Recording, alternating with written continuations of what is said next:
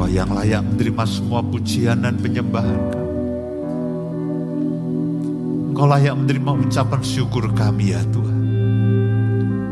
Pagi hari ini kami bersyukur untuk semua kebaikan yang kau berikan dalam kehidupan kami. Untuk pimpinan dan perlindunganmu dalam segala situasi.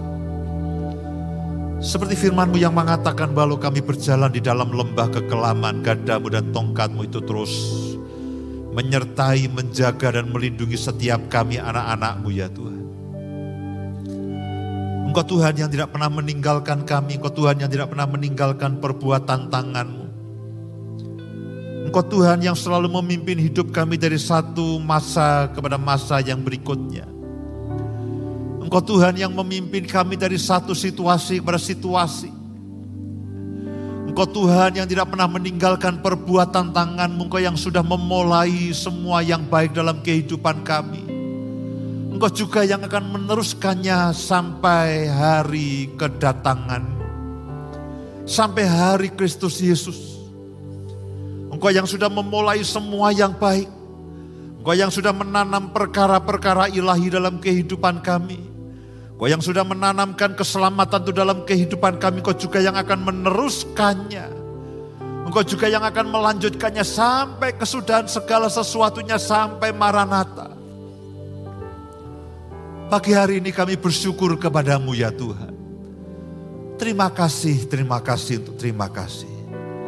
Di mana pun kami berada, di mana pun kami berada mengikuti akan ibadah ini di seluruh penjuru Indonesia, di Jogja, di seluruh Indonesia, bahkan di seluruh dunia.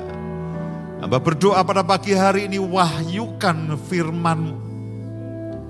Wahyukan kebenaran firmanmu Supaya kami menangkap kebenaran firman-Mu bukan menurut pengertian kami sendiri, bukan menurut pemahaman kami sendiri. Tapi kami boleh mengerti dan memahami apa yang menjadi maksud dan kerinduan-Mu sendiri. Hamba berdoa beri kami hikmat dan pengertian. Wahyukan firman-Mu, wahyukan dirimu, wahyukan keberadaanmu. Supaya pagi hari ini kami menangkap yang ilahi yang daripadamu. Terima kasih Tuhan, terima kasih. Roh Kudus mari bekerja di tengah-tengah kami semuanya. Bekerja, bekerja. Sementara firmanmu disampaikan, sementara kebenaranmu disampaikan, kau bekerja. Tanam setiap benih firmanmu itu dalam kehidupan setiap kami. Engkau memulihkan, engkau mengubah, engkau menyembuhkan, Engkau memanifestasikan kasih dan kuasamu dalam kehidupan setiap anak-anakmu yang mendengarkan pada pagi hari ini. Sehingga tidak ada satupun yang mengikuti ibadah ini lewat apa pun. Apakah hadir di gedung gereja, apakah mengikuti lewat semua media sosial yang ada mereka semuanya pada pagi hari ini bertemu dengan engkau secara pribadi. Mereka mengalami engkau dan mereka mengalami pertolonganmu, kesembuhan, mujizat, tanda-tanda heran, pernyataan roh yang daripadamu hamba berdoa. Tidak ada satupun yang terlewat. Tidak ada satupun yang terlewat. Pada pagi hari ini semua mengalami akan engkau. Terima kasih Bapak, terima kasih. Dalam nama Tuhan Yesus, kami mengucap syukur, kami berdoa. Semua sama-sama katakan amin, amin, amin. Silakan duduk Bapak Ibu dan Saudara sekalian yang ada di gedung gereja. Shalom semuanya.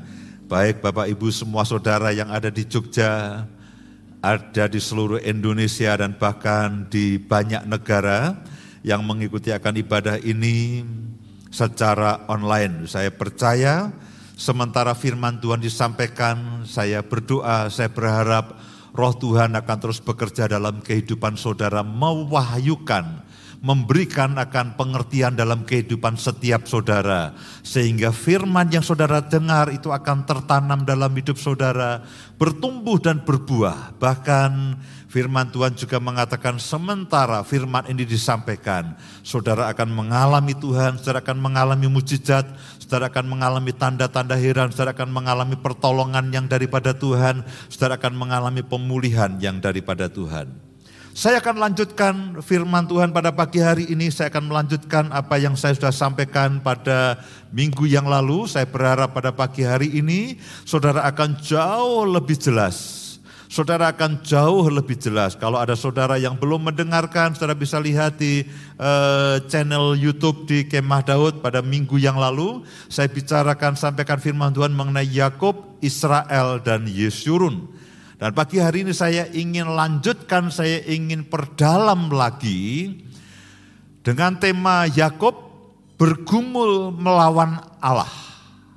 Yakub bergumul melawan Allah. Mari lihat firman Tuhan, Mazmur 105 ayat yang ketujuh.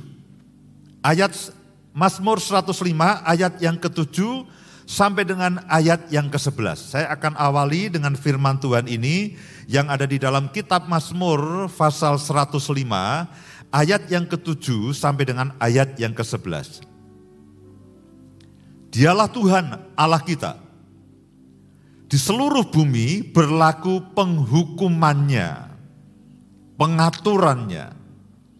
Dia ingat untuk selama-lamanya akan perjanjiannya firman yang diperintahkannya kepada seribu angkatan yang diikatnya dengan Abraham dan akan sumpahnya kepada Isa. Saya ulangi bagian ini.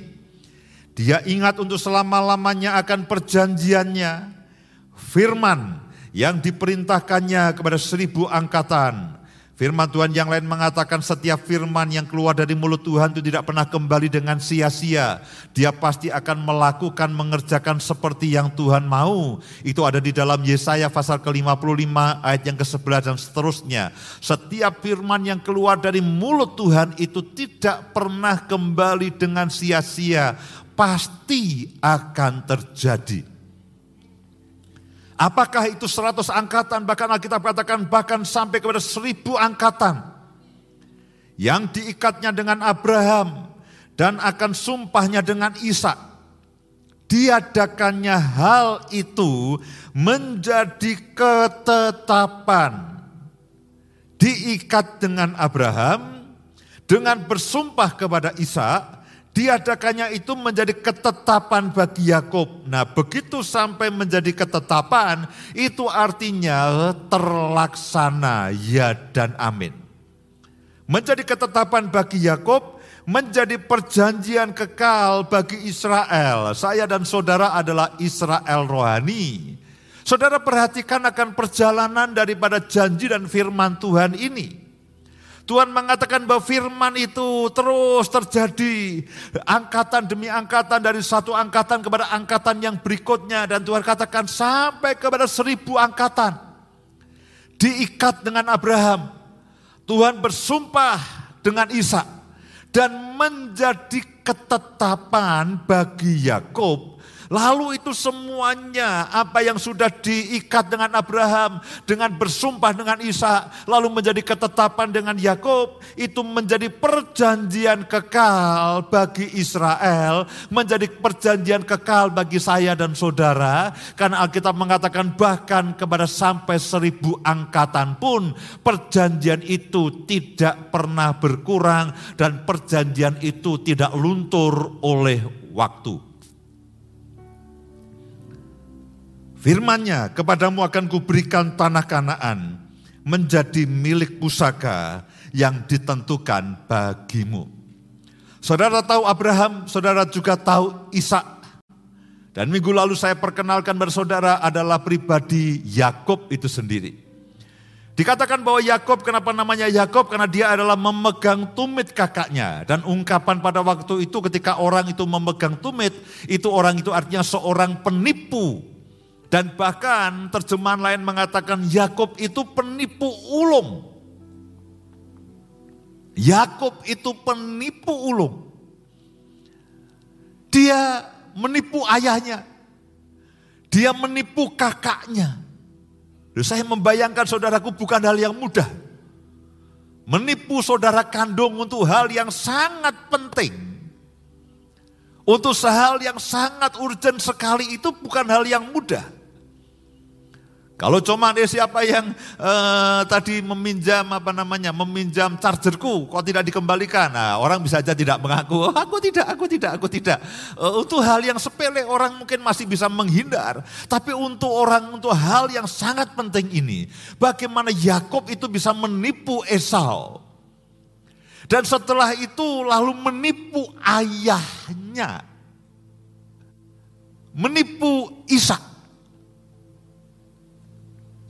Saudaraku itu bukan hal yang menurut saya bukan hal yang mudah dilakukan. Diperlukan keberanian, diperlukan apa ya keberanian, lalu diperlukan kalau orang bilang itu tega gitu, sampai hati. Untuk menipu saudara bahkan menipu ayahnya yang harusnya dia hormati. Jadi Yakob ini bukan orang yang sempurna. Puji Tuhan. Lupa kok puji Tuhan. Saya dan saudara juga bukan orang yang sempurna. Pak, hidup saya mirip Yakob. Pak, hidup saya berantakan seperti Yakob. Bahkan rasanya lebih kacau daripada Yakob. Di sisi ini kita bersyukur. Bukan bersyukur untuk semua kesalahan, bukan bersyukur untuk semua kejahatan yang kita lakukan, tapi kita bersyukur bahwa kalau Tuhan itu bisa memakai Yakob, Lalu apa halangannya dan apa susahnya, apa persoalannya, apa problemnya. Tuhan itu akan memakai saudara dan saya. Bahkan dikatakan bahwa firman perjanjiannya itu menjadi ketetapan, ketetapan dalam kehidupan Yakob. Hal yang sama berarti setiap firman Tuhan itu bisa menjadi ketetapan dalam kehidupan saudara dan saya. Bukankah itu melegakan? Kalau Tuhan itu bisa memakai Yakob Orang yang tidak sempurna, bahkan orang yang bermasalah, bahkan orang yang kacau, apa susahnya dan apa sulitnya, saya dan saudara dipakai oleh Tuhan, dimuliakan oleh Tuhan, diberkati oleh Tuhan. Yakob itu menipu. Dia seorang penipu ulung. Dan kalau kita lihat kehidupannya, Yakob ini juga ditipu. Sepuluh kali ditipu oleh Laban. Itu mertuannya. Dan kalau kita baca kehidupan Yakob, satu kali dia juga ditipu habis-habisan oleh anak-anaknya. Dia punya anak-anak yang lalu ada Yusuf yang istimewa.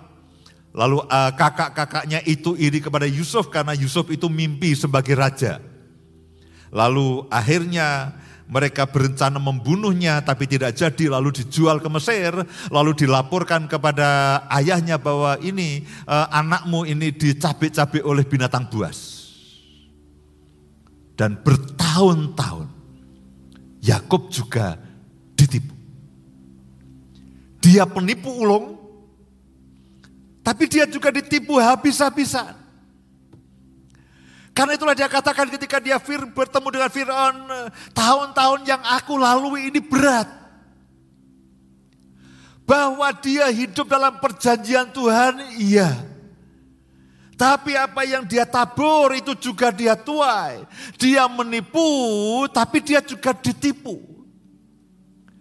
Bapak, Ibu, dan semua saudara, sejujurnya ada bagian dari kehidupan kita itu yang tidak sempurna, dan bahkan sampai hari ini pun kadang-kadang kita masih mengatakan, "Tuhan, kenapa aku harus mengalami ini? Kenapa aku harus mengalami situasi ini?" Ada situasi-situasi, ada keadaan-keadaan yang kita katakan, "Tuhan." Dalam kisah Paulus dikatakan dia ada duri dalam dagingnya. Dan ketika dia berkali-kali Tuhan cabutlah duri ini. Tuhan katakan cukuplah kasih karuniaku bagimu. Cukuplah kasih karuniaku bagimu. Jadi sepanjang hidupnya Paulus itu ada masalah. Para penasir mengatakan dia punya penyakit, punya sakit di punggungnya. Sehingga dia agak bungkuk karena dia ada sakit di punggungnya. Tuhan, dia, dia, dia melakukan banyak mujizat. Bahkan sapu tangan atau kain yang habis dipakai itu bisa menyembuhkan orang. Tapi ketika dia menghadapi hidupnya sendiri, dia punya masalah. Dan ketika katakan Tuhan, tolonglah. Tuhan katakan cukuplah kasih karuniaku bagimu. Justru dalam kelemahanlah kuasaku menjadi nyata. Yang pertama yang ingin saya sampaikan adalah begini. Tuhan bisa menggunakan, Tuhan bisa memakai saudara, Tuhan bisa memuliakan saudara, Tuhan bisa memberkati saudara. Sementara saudara dan saya bukan orang sempurna. Amin. Saudara dan saya bukan orang sempurna. Saudara dan saya punya masalah-masalah yang rasanya belum selesai. Tuhan kapan aku terbebas dari masalah ini? Yakub juga punya masalah dalam kehidupannya. Tapi dia merupakan bagian dari perjanjian Tuhan yang kekal itu. Nah saya berharap, saya berdoa firman dan pengertian yang daripada Tuhan pada pagi hari ini akan menolong saya saudara-saudara. Sehingga kita bisa mencapai sesuatu yang lebih besar, yang lebih ajaib. Yang Tuhan sediakan sementara saya dan saudara juga masih mengalami berbagai macam persoalan yang lainnya. Sementara saya dan saudara juga bukan orang yang sempurna. Tidak ada masalah.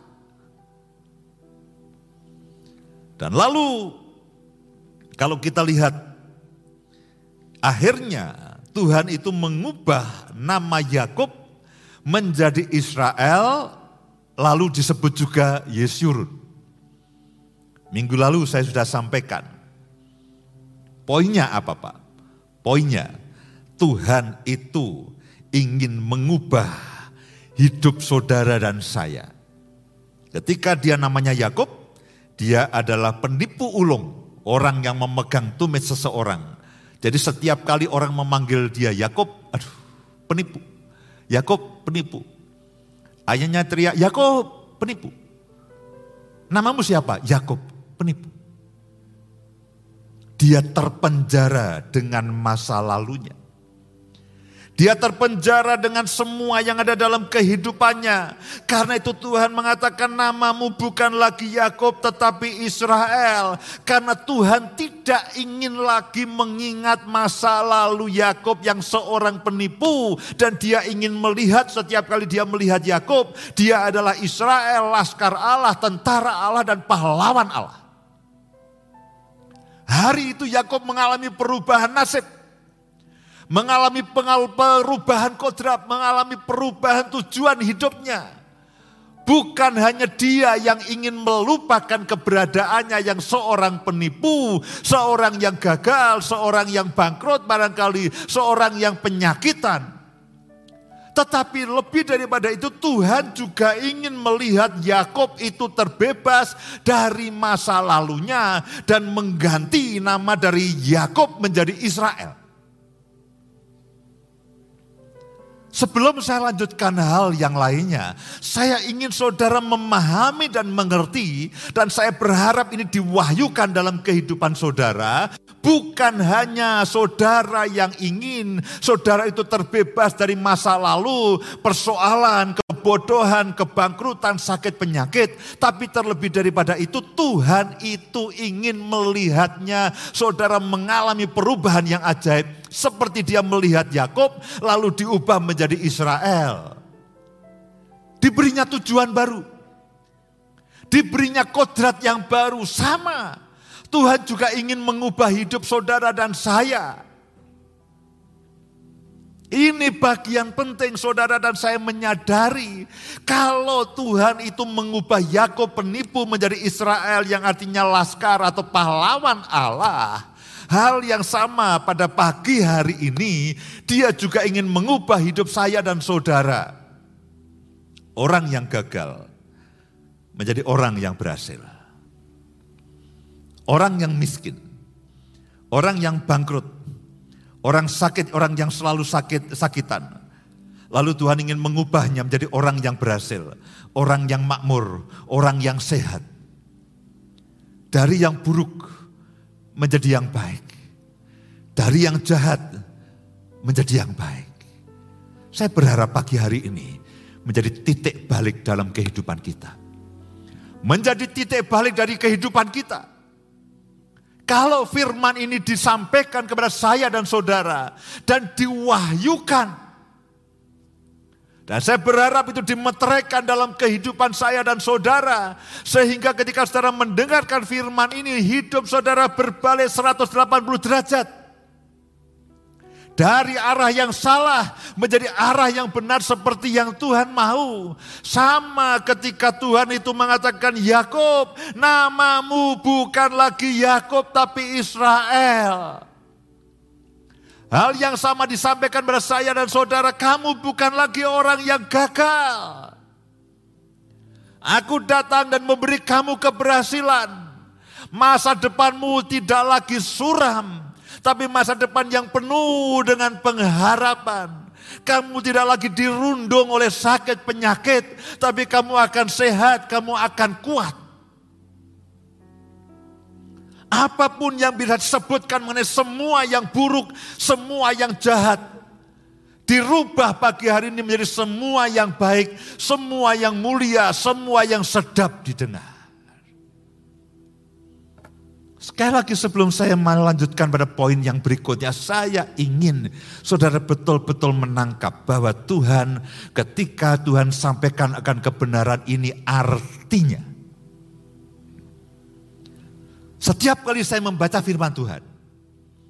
Dan ketika itu firman diwahyukan. Artinya apa? Tuhan mau saya dan saudara mengalami kebenaran firman ini. Saya berharap ini bukan sekedar khotbah renungan yang menarik. Tapi betul-betul ini firman yang akan menjadi daging dalam kehidupan saya dan saudara. Ini betul-betul benih firman yang akan berbuah 30, 60 bahkan 100 kali lipat. Dari Yakub menjadi Israel bahkan Yesurun. Yang artinya tulus, dikasihi oleh Tuhan, diluruskan oleh Tuhan. Pertanyaan yang paling sering kali muncul adalah begini. Pak, mengapa Yakub? Kalau dia seorang penipu ulung, Lalu kenapa Yakub? Kenapa Yakub? Nah, ketika saya terus membaca dan mempelajari, paling tidak ada dua hal yang menarik dan dua hal yang baik dalam kehidupan Yakub. Yang pertama, Yakub ini kalau secara perhatikan dia punya satu kerinduan untuk setiap kali itu membangun mesbah Tuhan. Mari lihat di dalam kejadian pasal yang ke-28 ayat yang ke-22. Ini pada waktu Yakob itu lari dari keluarganya karena Esau itu berniat membunuh dia. Lalu suatu waktu dia tidur, dia bermimpi. Malaikat Tuhan turun naik dan meneguhkan janji Tuhan dalam kehidupannya. Lalu pagi harinya dikatakan begini dan batu yang kudirikan sebagai tugu ini akan menjadi rumah Allah. Dan segala sesuatu yang kau berikan kepadamu, kepadaku, akan selalu kupersembahkan sepersepuluh kepadamu. Yakob ketika setiap kali dia punya kerinduan membangun mesbah. Itu adalah mesbah pertama yang Yakub dirikan dan setelah itu kalau saudara pelajari perjalanan kehidupan Yakub, dia juga selalu mendirikan mesbah. Apa artinya? Yakub itu selalu punya kerinduan, kehausan untuk memuji dan menyembah Tuhan itu sebagai seorang pribadi. Dia tidak hanya mengejar berkat. Dia tidak hanya mengejar perlindungan dan pertolongan yang daripada Tuhan. Tapi ketika dia membangun mesbah, itu artinya pada waktu itu dia menyembah Tuhan. Menyembah Tuhan dari pribadi kepada pribadi. Nah saya dan saudara harus punya kualitas kekristenan seperti itu. Banyak orang dengan mudah menerima berkat. Siapa pun bahkan bisa dikatakan tidak ada seorang pun yang menolak dengan berkat. Orang minta pertolongan, minta perlindungan Tuhan, aku akan melakukan perjalanan tolong, tolong aku lindungi aku. Dan ketika dilindungi sampai tujuan dengan selamat, wah puji Tuhan selamat, selesai. Tapi siapa yang ketika mendapatkan pertolongan dan berkat Tuhan, lalu tidak berhenti di situ, lalu mengarah kepada pribadinya. Nah bagian yang terbaik yang kita bisa lakukan ketika kita ketemu dengan pribadi Tuhan itu menyembah. Menyembah. Menyembah. Nah, Yakub meskipun berantakan hidupnya. Meskipun karakternya buruk. Tapi dia ini begini. Tuhan, hidupku memang kacau. Aku pengecut. Aku penipu. Tapi aku merindukan engkau pribadi. Ketika Tuhan menjumpai dia dan mengatakan, Yakob aku akan memberkati engkau seperti aku memberkati Abraham. Apa yang aku janjikan kepadamu akan kuberikan kepadamu. Dia tidak katakan, hore, hore, hore, hore, hore, lalu dia pergi tidak. Dia katakan, dia mengambil batu itu, lalu menuangkan minyak. Dia mendirikan sebagai mesbah, dia menyembah di situ. Setiap kali dia bertemu dengan Tuhan, setiap kali dia bertemu dengan berkat Tuhan, dia menyembah. Jadi ini orang yang orientasinya itu kepada pribadi Tuhan, bukan kepada berkat. Itu hal baik pertama yang saya ingin sampaikan kepada saudara. Meskipun dia ini seorang penipu, bahkan penipu ulung. Tapi dia ini seorang penyembah. Tuhan sadar, ini Yakob ini bukan orang yang baik. Ayat lain mengatakan si ulat Yakob. Dia tahu itu.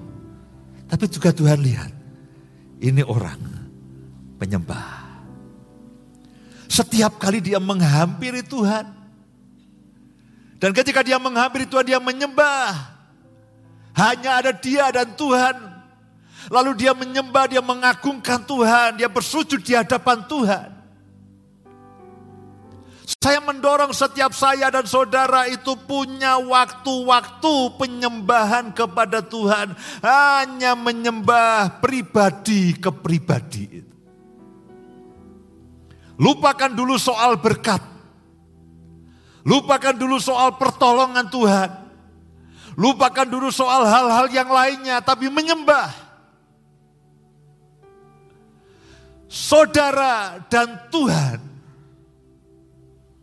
Ketika saudara menyembah, saudara mengakui dia sebagai Tuhan yang layak menerima penyembahan. Tuhan yang menciptakan langit dan bumi dan secara pribadi. Saudara dan saya menyembah pribadi Tuhan. Yakub seorang penyembah. Lupa, dia kan penipu. Iya, dia penipu. Bawaan dari lahirnya, dia penipu. Tidak baik. Tapi ada yang baik. Dia sadar dia bukan orang baik. Dia menyembah.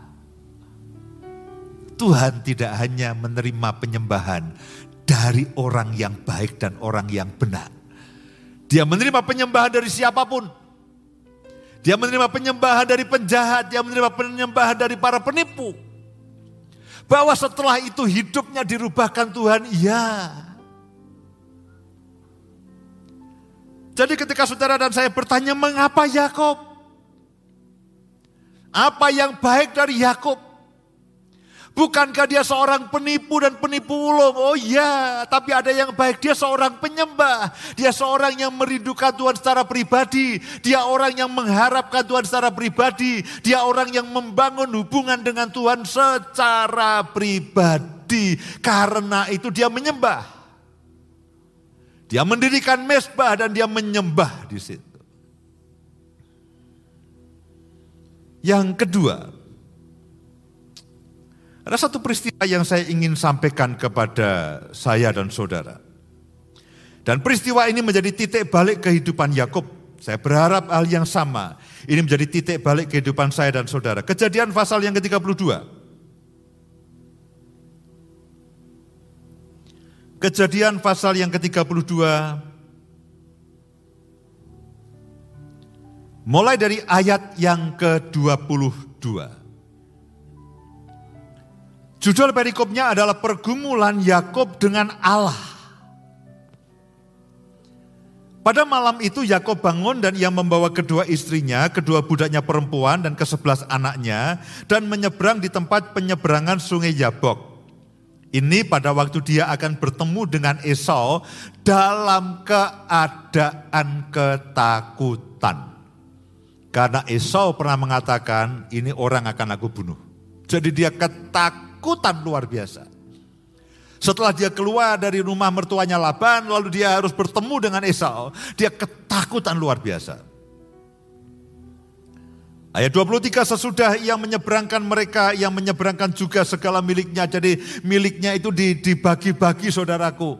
Dia membuat beberapa rombongan, rombongan pertama ketemu dengan Esau, lalu membawa semua persembahan, dia berharap itu akan melunakkan hati Esau. Ayat 24, lalu tinggallah Yakob seorang diri dan seorang laki-laki ini adalah malaikat atau makhluk ilahi bergulat dengan dia sampai fajar menyingsing. Nah peristiwa ini menarik saudara. Saya berharap roh kudus akan menolong saudara untuk memahami akan peristiwa ini.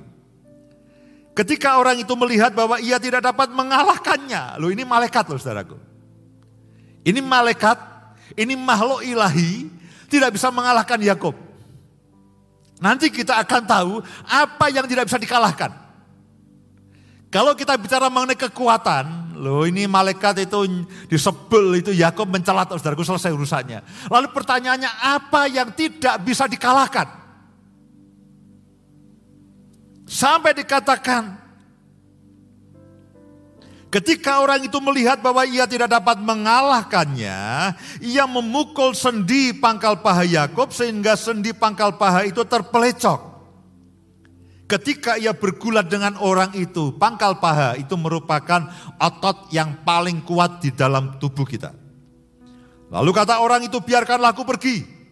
Karena fajar telah menyingsing saut Yakob. Aku tidak akan membiarkan engkau pergi jika engkau tidak memberkati aku. Apa yang tidak bisa dikalahkan orang itu, apa yang tidak bisa dikalahkan oleh malaikat Tuhan itu dengan Yakub. Saudara mulai bisa mengerti, ini orang tidak gampang menyerah. Bahkan ketika dia berhadapan dengan Tuhan, dia tidak gampang menyerah sampai dikatakan dia orang itu tidak bisa mengalahkan Yakub. Aku tidak akan membiarkan kau pergi jika engkau tidak memberkati aku. Bertanyalah orang itu kepadanya, siapakah namamu? Sautnya Yakob. Lalu kata orang itu, perhatikan baik-baik ini menjadi titik balik.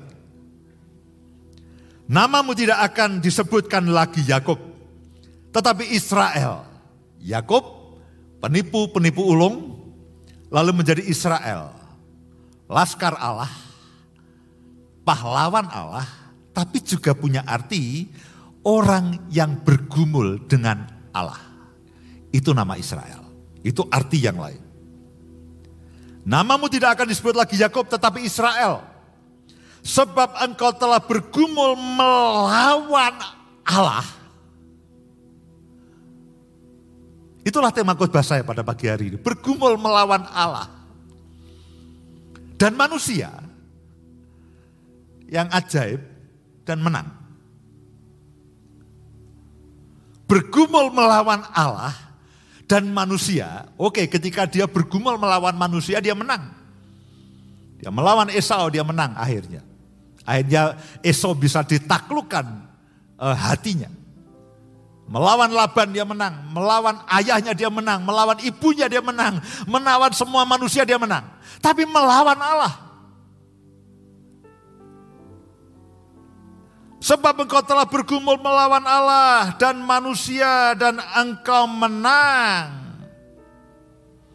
Bertanya ya Yakub, katakanlah juga namamu, tetapi sautnya, mengapa engkau menanyakan namaku? Lalu diberkatinya ya Yakub di situ. Yakub menamai tempat itu Peniel. Sebab katanya, aku telah melihat Allah berhadapan muka, tetapi nyawaku tertolong. Ada satu bagian yang menarik Selain dia seorang penyembah, Israel itu juga disebut dengan sebagai orang yang bergumul dengan Allah. Bergumul bukan hanya bergumul dengan Allah, tapi bergumul melawan Allah dan Alkitab mengatakan dia menang. Dia menang. Dia tidak kalah tapi dia menang. Kalau melawan manusia, kalau melawan manusia, Oke, bisa dipahami, bisa dimengerti. Mungkin karena kecerdikannya, kemampuannya, dia bisa membuat Esau itu akhirnya uh, luluh hatinya. Alih-alih Esau itu membunuh, dia bahkan memeluk adiknya. Ketika Yakob mencoba memberikan persembahan, Esau katakan tidak, aku sudah punya punya banyak sekali. Tapi ketika Yakob itu bergumul melawan bergumul melawan Allah. Alkitab mengatakan dia bergumul melawan Allah dan dia menang. Dia Israel yang juga artinya orang yang bergumul melawan Allah atau orang yang bertahan sampai akhir. Saudara mulai tahu dia memegang orang itu dan mengatakan, "Aku tidak akan lepaskan engkau sampai aku memberkati, sampai engkau memberkati aku." Orang ini berniat lepaskan aku. Malaikat Tuhan itu berkata, "Melepaskan aku." Dan Yakob katakan, "Aku tidak akan melepaskan engkau sampai engkau memberkati aku." Dia menang. Dalam perbantahan dengan malaikat itu, dia menang. Hosea pasal yang ke-12 ayat yang keempat.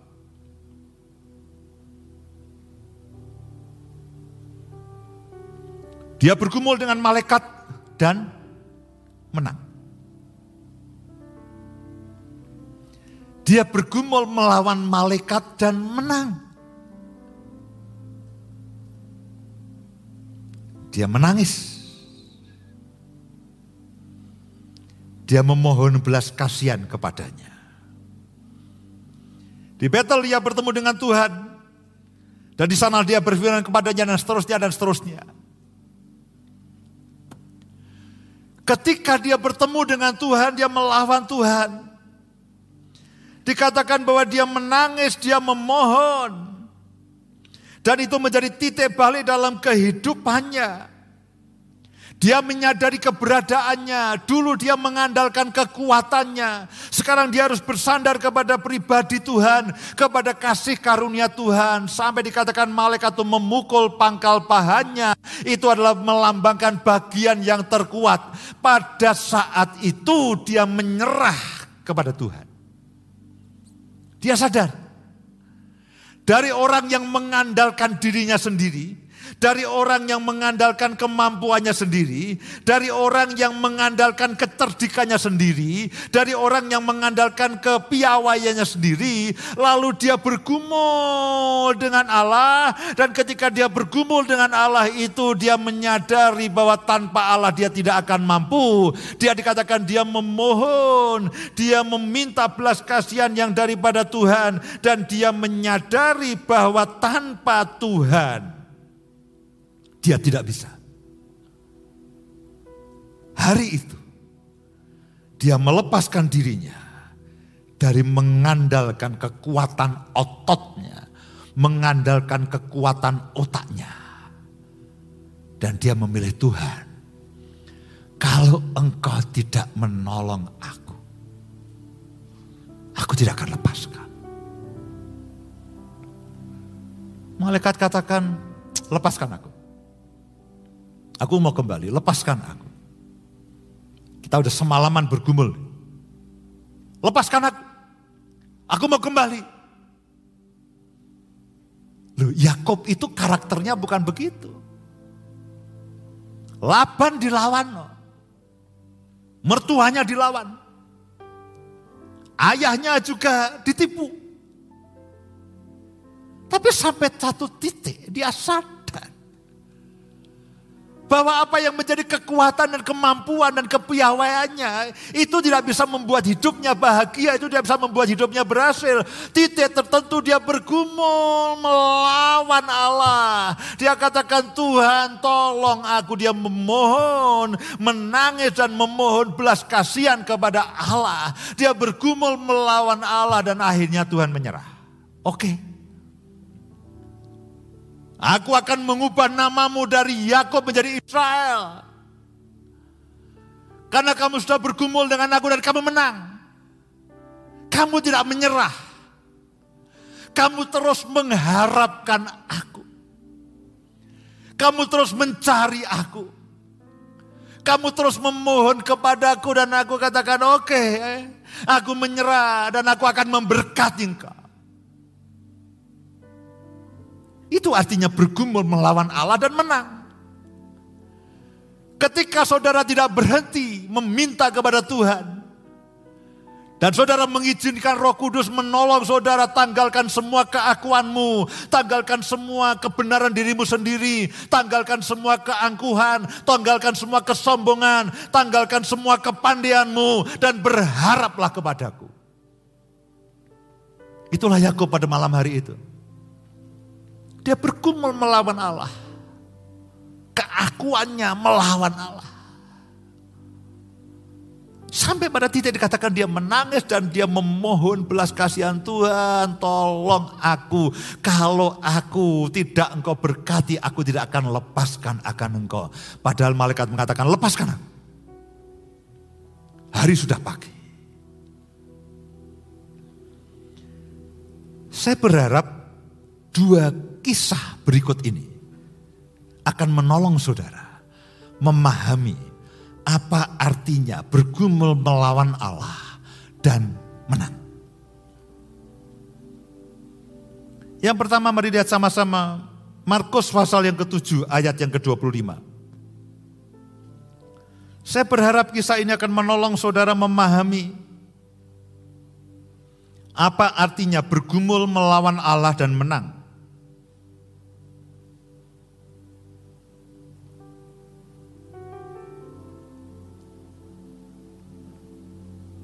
Markus pasal yang ketujuh, maaf ayat yang ke-24.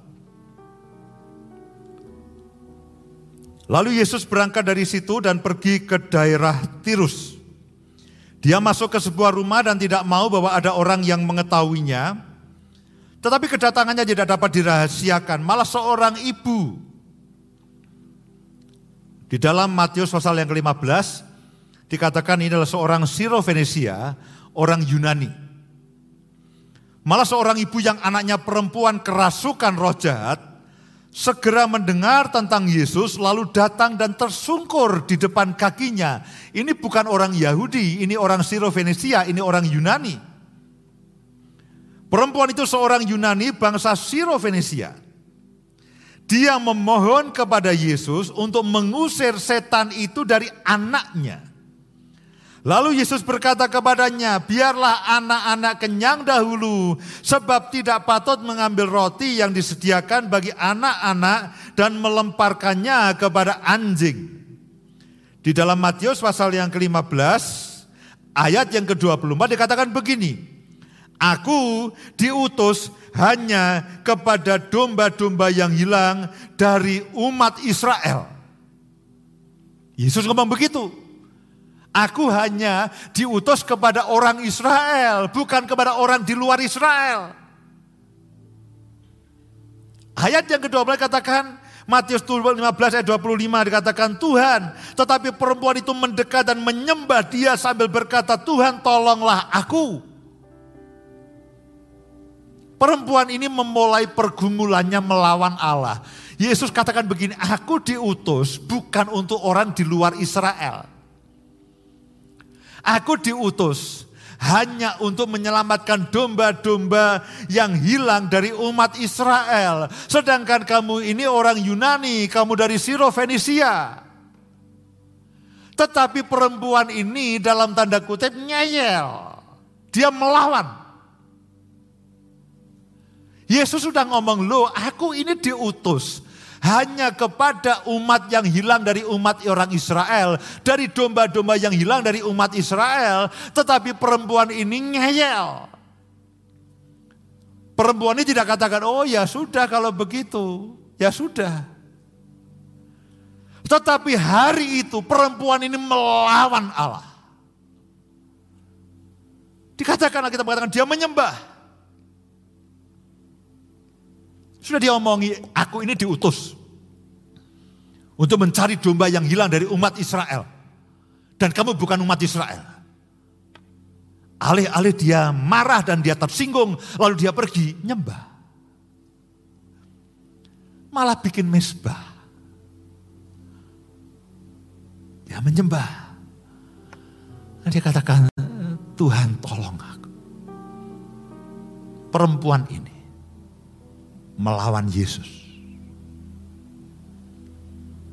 Kembali ke Markus pasal yang ketujuh tadi.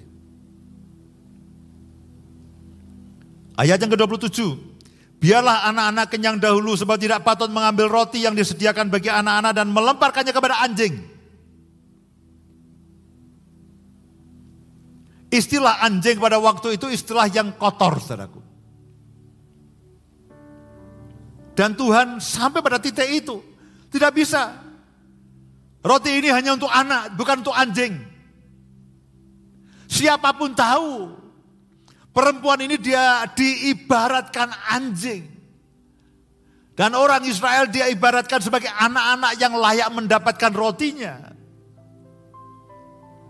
Tetapi perempuan yang tadi dikatakan di dalam Matius tadi dia menyembah dan minta tolong. Perempuan itu menjawab benar Tuhan. Tetapi anjing yang di bawah meja juga makan remah-remah yang dijatuhkan anak-anak. Ngelawan. Diomongi rak ngandel. Diberitahu tidak nurut. Dia melawan Allah. Dia melawan Yesus. Yesus sudah ngomong, aku datang hanya untuk menyelamatkan domba-domba yang hilang dari umat Israel. Aku datang hanya memberikan roti kepada anak-anak, bukan kepada anjing. Alih-alih perempuan ini lari dan pergi dan marah-marah. Yang menyembah. Dia dalam tanda kutip melawan Allah. Dia menyembah dan dia katakan, tapi Tuhan, anjing ini juga makan remah-remah yang tercecer dan terbuang dari anak itu. Menang. Perempuan ini menang. Bergumul melawan Allah dan menang. Maka kata Yesus kepada perempuan itu, karena kata-katamu itu, pergilah sekarang Sebab setan itu sudah keluar dari anak itu. Perempuan itu pulang ke rumahnya lalu ditapatinya anak itu berbaring di tempat tidur sedang setan itu sudah keluar. Dari kisah ini saya berharap saudara mengerti apa artinya Yakob bergumul melawan Allah. Apa artinya perempuan Siro Fenisia ini bergumul melawan Allah dan menang. Dan ketika dia menang nasibnya berubah. Satu lagi contoh. Saya berharap ini akan menolong saudara benar-benar. Contoh terakhir sebelum kita akan sama-sama berdoa. Lukas pasal yang ke-18. Injil Lukas pasal yang ke-18. Ayat yang pertama. Yesus mengatakan suatu perumpamaan kepada mereka untuk menegaskan bahwa mereka harus selalu berdoa tidak dengan dengan tidak jemu-jemu. Katanya di dalam sebuah kota ada seorang hakim yang tidak takut akan Allah dan tidak menghormati seorang pun. Dan di kota itu ada seorang janda yang selalu datang kepada hakim itu dan berkata, belalah aku terhadap lawanku. Beberapa waktu lamanya hakim itu menolak. Tetapi janda ini melawan. Ditolak, melawan. Tetapi kemudian dia berkata dalam hatinya, walaupun aku tidak takut akan Allah dan tidak menghormati seorang pun. Namun karena janda ini menyusahkan aku, baiklah aku membenarkan dia. Yakub menyusahkan malaikat itu perempuan Siron Venesia menyusahkan Yesus. Baiklah, aku membenarkan dia. Akhirnya hidup Yakob dibenarkan, diluruskan. Akhirnya perempuan Siron Venesia ini ketemu dengan Yesus, ketemu dengan keselamatan, hidupnya diluruskan. Namun karena janda ini menyusahkan aku, baiklah aku membenarkan dia supaya jangan terus saja dia datang dan akhirnya menyerang aku. Kata Tuhan, camkanlah apa yang dikatakan hakim yang lalim itu. Seakan-akan Tuhan katakan, kamu perhatikan hakim yang lalim dan hakim yang jahat itu. Apalagi aku yang murah hati. Seakan-akan kan begitu. Tidakkah Allah akan membenarkan? Tidakkah Allah akan meluruskan orang-orang pilihannya saya dan saudara yang siang malam berseru kepadanya. Dan adakah yang mengulur-ulur waktu sebelum menolong mereka? Aku berkata kepadamu ia akan segera membenarkan mereka. Akan tetapi jika anak manusia itu datang adakah ia mendapati iman di bumi ini? Saudaraku hari-hari ini kita ada di dalam masa yang sulit dan masa depan berikutnya juga masih belum menentu. Belajarlah dari Yakub. Belajarlah dari janda tadi. Belajarlah dari perempuan Sirofenisia yang terus-menerus datang kepada Tuhan, menyembah dan tidak menyerah. Dan Tuhan katakan, bukankah dia akan membenarkan, dia akan meluruskan, dia akan menolong. Kepada orang-orang pilihannya yang siang malam berseru kepadanya, dia tidak akan mengulur-ulur waktu untuk menolong saya dan saudara. Amin. Mari semuanya bangkit berdiri.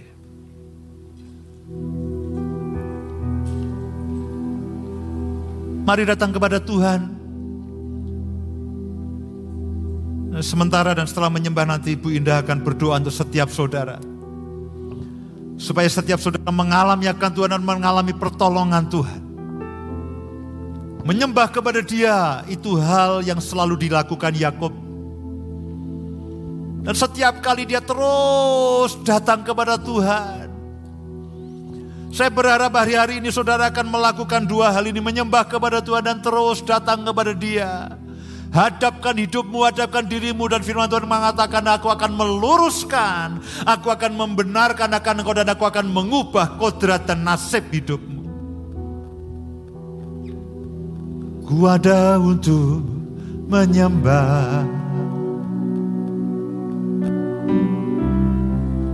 Ku ada untuk memujamu.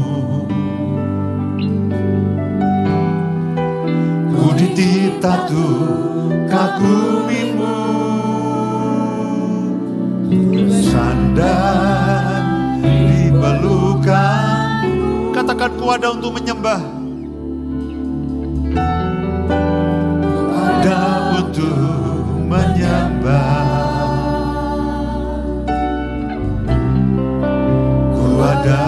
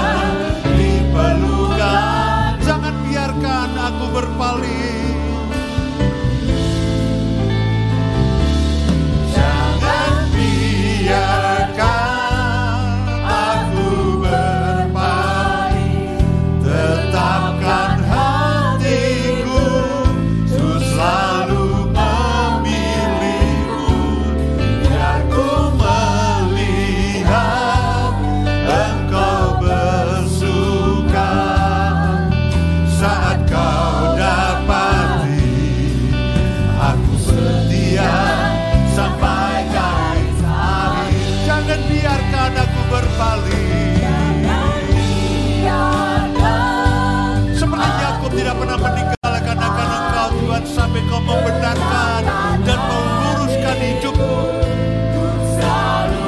Meluruskan hidupnya sama seperti janda, sama seperti perempuan Hero Venesia itu yang tidak berpaling dari hadapan sampai kau menolong, sampai kau meluruskan dan membenarkan hidupnya.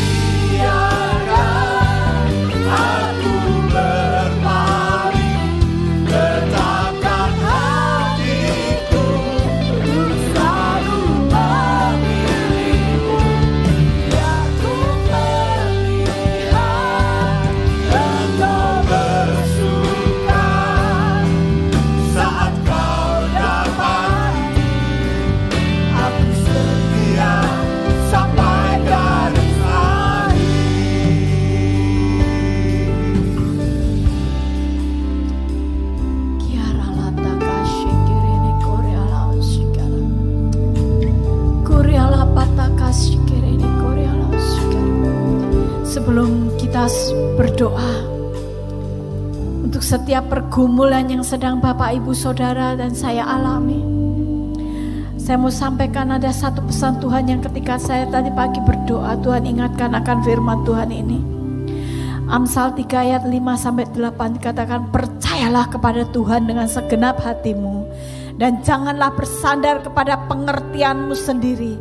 Akuilah dia dalam segala lakumu, maka ia akan meluruskan jalanmu. Janganlah engkau menganggap dirimu sendiri bijak. Takutlah akan Tuhan dan jauhilah kejahatan. Itulah yang akan menyembuhkan tubuhmu dan akan menyegarkan tulang-tulangmu. Di dalam terjemahan yang lain dikatakan, percayalah kepada Tuhan sepenuhnya dan jangan mengandalkan dirimu sendiri. Dengan sepenuh hati, andalkan Tuhan, minta bimbingan Tuhan untuk membimbing setiap saudara dan saya, memimpin saudara dan saya dalam setiap keputusan yang akan kita buat. Untuk ke depan kita membutuhkan pimpinan Tuhan, bimbingan Tuhan, pertolongan Tuhan untuk memutuskan segala sesuatu tanpa pimpinan Tuhan. Seperti apa yang dialami Yakub. Kita mesti minta kepada Tuhan. Kita mesti bergumul kepada Tuhan. Tuhan tolongi aku. Pimpin aku. Minta pewahyuan yang daripada Tuhan. Untuk masa depan. Apa pun yang kita akan putuskan. Tanpa itu kita tidak bisa saudara. Dan katakan gini. Milikilah keintiman dengan dia. Milikilah keintiman dengan Tuhan dalam apa pun yang saudara dan saya akan lakukan. Dan dia akan memimpin. Dia akan menuntun kita. Milikilah keintiman dengan Tuhan. Seperti Yakob merangsek Allah. Seperti Yakob bergumul dengan Tuhan dan dia menang. Kita mesti memiliki Tuhan. Memiliki keintiman dengan Tuhan. Merangsek Tuhan. Minta Tuhan terus. Minta Tuhan mendekat kepada Tuhan. Dan dia akan memimpin kita. Ke mana pun kita akan pergi. Dan jangan pernah berpikir bahwa engkau mengetahui segala sesuatunya. Karena hikmat itu datangnya daripada Tuhan. Ketika, ketika saudara, ketika kita menyembah dia, ada hikmat. Ketika kita datang kepada Tuhan, Tuhan memberikan hikmat pewahyuannya kepada kita.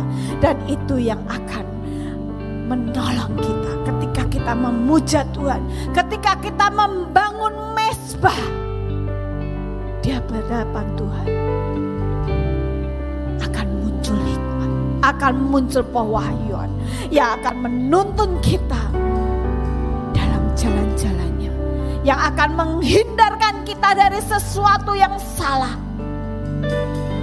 Kemudian kita akan mendapatkan kesembuhan, kesembuhan yang menyegarkan tubuh dan jiwa kita. Datang kepada Dia, datang kepada Dia. Apa pun persoalanmu hari-hari ini, apa pun yang kau takutkan dalam kehidupanmu hari-hari ini, Tuhan firmankan seperti Yakub. Kita mengandalkan Tuhan, kita mempercayai Tuhan, dan kita mendekatkan hidup kita terus kepada Tuhan, merangsek kepada Tuhan, mendekatkan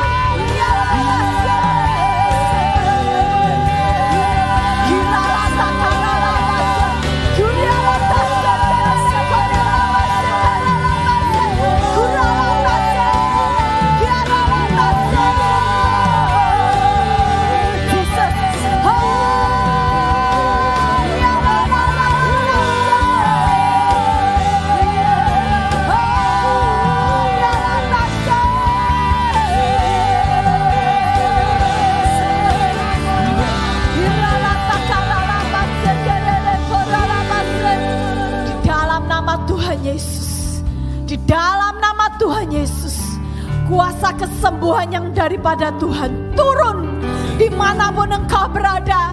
Engkau yang percaya mengandalkan Tuhan, apa pun yang sedang terjadi dalam kehidupanmu, ketakutanmu,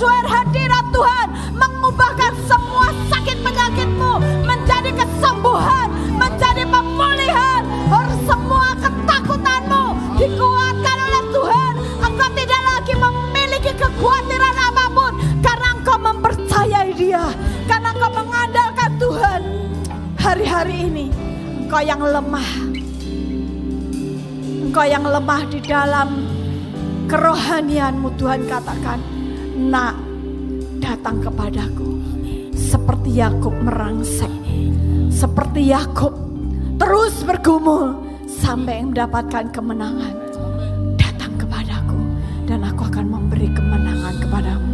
Aku akan memberikan masa depan kepadamu yang ajaib. Itu yang Tuhan katakan. Kipata sohore nekara lapas sekerene. Kuralata sekere hari-hari ini Tuhan katakan. Horalapas sekere aku akan mengadakan hal yang ajaib dalam setiap kehidupan anak-anakku. Hal-hal yang dahsyat. Hipata apa yang tidak pernah dipikirkan apa yang tidak pernah timbul di dalam hatimu itu yang Tuhan sediakan buat setiap orang yang percaya kepadanya itu yang Tuhan katakan itu yang Tuhan janjikan. Hari-hari ini kita akan mengalami ketika kita datang kepada Tuhan kita akan bertemu dengan dia secara pribadi. Hurralata sekomene sakarala pakarala. Hurralapa sekirene milikilah keintiman dengan Tuhan. Milikilah keintiman dengan Tuhan. Hurralapa sekere karena itu yang akan keluar dari keintiman kita dengan Tuhan akan keluar hikmat, akan keluar pewahyuan yang akan menolong kita di dalam masa depan kita apa pun yang akan kita hadapi. Terima kasih Tuhan Yesus, terima kasih. Dia menjadikan semuanya baik. Yang susah dihiburkan, yang sakit disembuhkan yang dalam kekurangan akan diberi kelimpahan. Dialah jawaban dalam setiap kehidupan kita. Terima kasih Tuhan. Dalam nama Tuhan Yesus kami berdoa. Amin. Silakan duduk saudaraku, kita akan siapkan persembahan kita. Di mana pun Bapak, Ibu, dan Saudara berada, saudara yang mengikuti semua ibadah ini secara langsung atau secara online, kita akan bersama-sama berdoa untuk mempersiapkan persembahan kita Saudara yang mengikuti ibadah secara online, saudara bisa lihat semua cara pembayaran, internet banking, online banking, kemudian juga dengan digital payment semuanya. Bahkan bagi Bapak Ibu Saudara yang mungkin tidak mengikuti uh, hanya lewat radio, saya akan bacakan satu rekening yang saudara bisa catat kalau saudara ingin memberikan persembahan untuk Tuhan, yaitu rekening Bank Sentral Asia atau rekening BCA dengan nomor kosong nomor rekening 017121 7007 atas nama GKKD Glory of God Yogyakarta. Bagi Bapak Ibu yang mengikuti uh, lewat YouTube, saudara bisa lihat ada di layar HP atau layar televisi saudara. Tapi saudara yang mengikuti lewat radio, saya akan bacakan sekali lagi. 017 121 7007 rekening BCA atas nama GKKD Glory of God. Baik, mari kita semua siapkan akan persembahan kita. Kami mau bawa korban persembahan kami kepadamu Tuhan dengan penuh ucapan syukur, dengan hati yang penuh dengan kerelaan dan sukacita. Terima kasih untuk setiap berkatmu yang makin hari makin ajaib dan makin melimpah. Berkat yang kau curahkan dalam kehidupan setiap kami. Bawa Tuhan dengan penuh ucapan syukur. Inilah syukur kami, inilah penyembahan kami. Terima kasih Bapak, terima kasih. Di dalam nama Tuhan Yesus kami berdoa. Amin. Sekali lagi saudara yang hadir di gedung ini, saudara nanti bisa memberikan persembahan pada waktu saudara berjalan pulang, eh, berjalan keluar, berjalan pulang. Dan sekali lagi saudara yang mengikuti ibadah secara online, Saudara bisa memberikan persembahan lewat semua internet banking, online banking maupun digital payment. Baik, saya rasa tidak ada pengumuman yang lainnya. Mari saya ajak semuanya bangkit berdiri.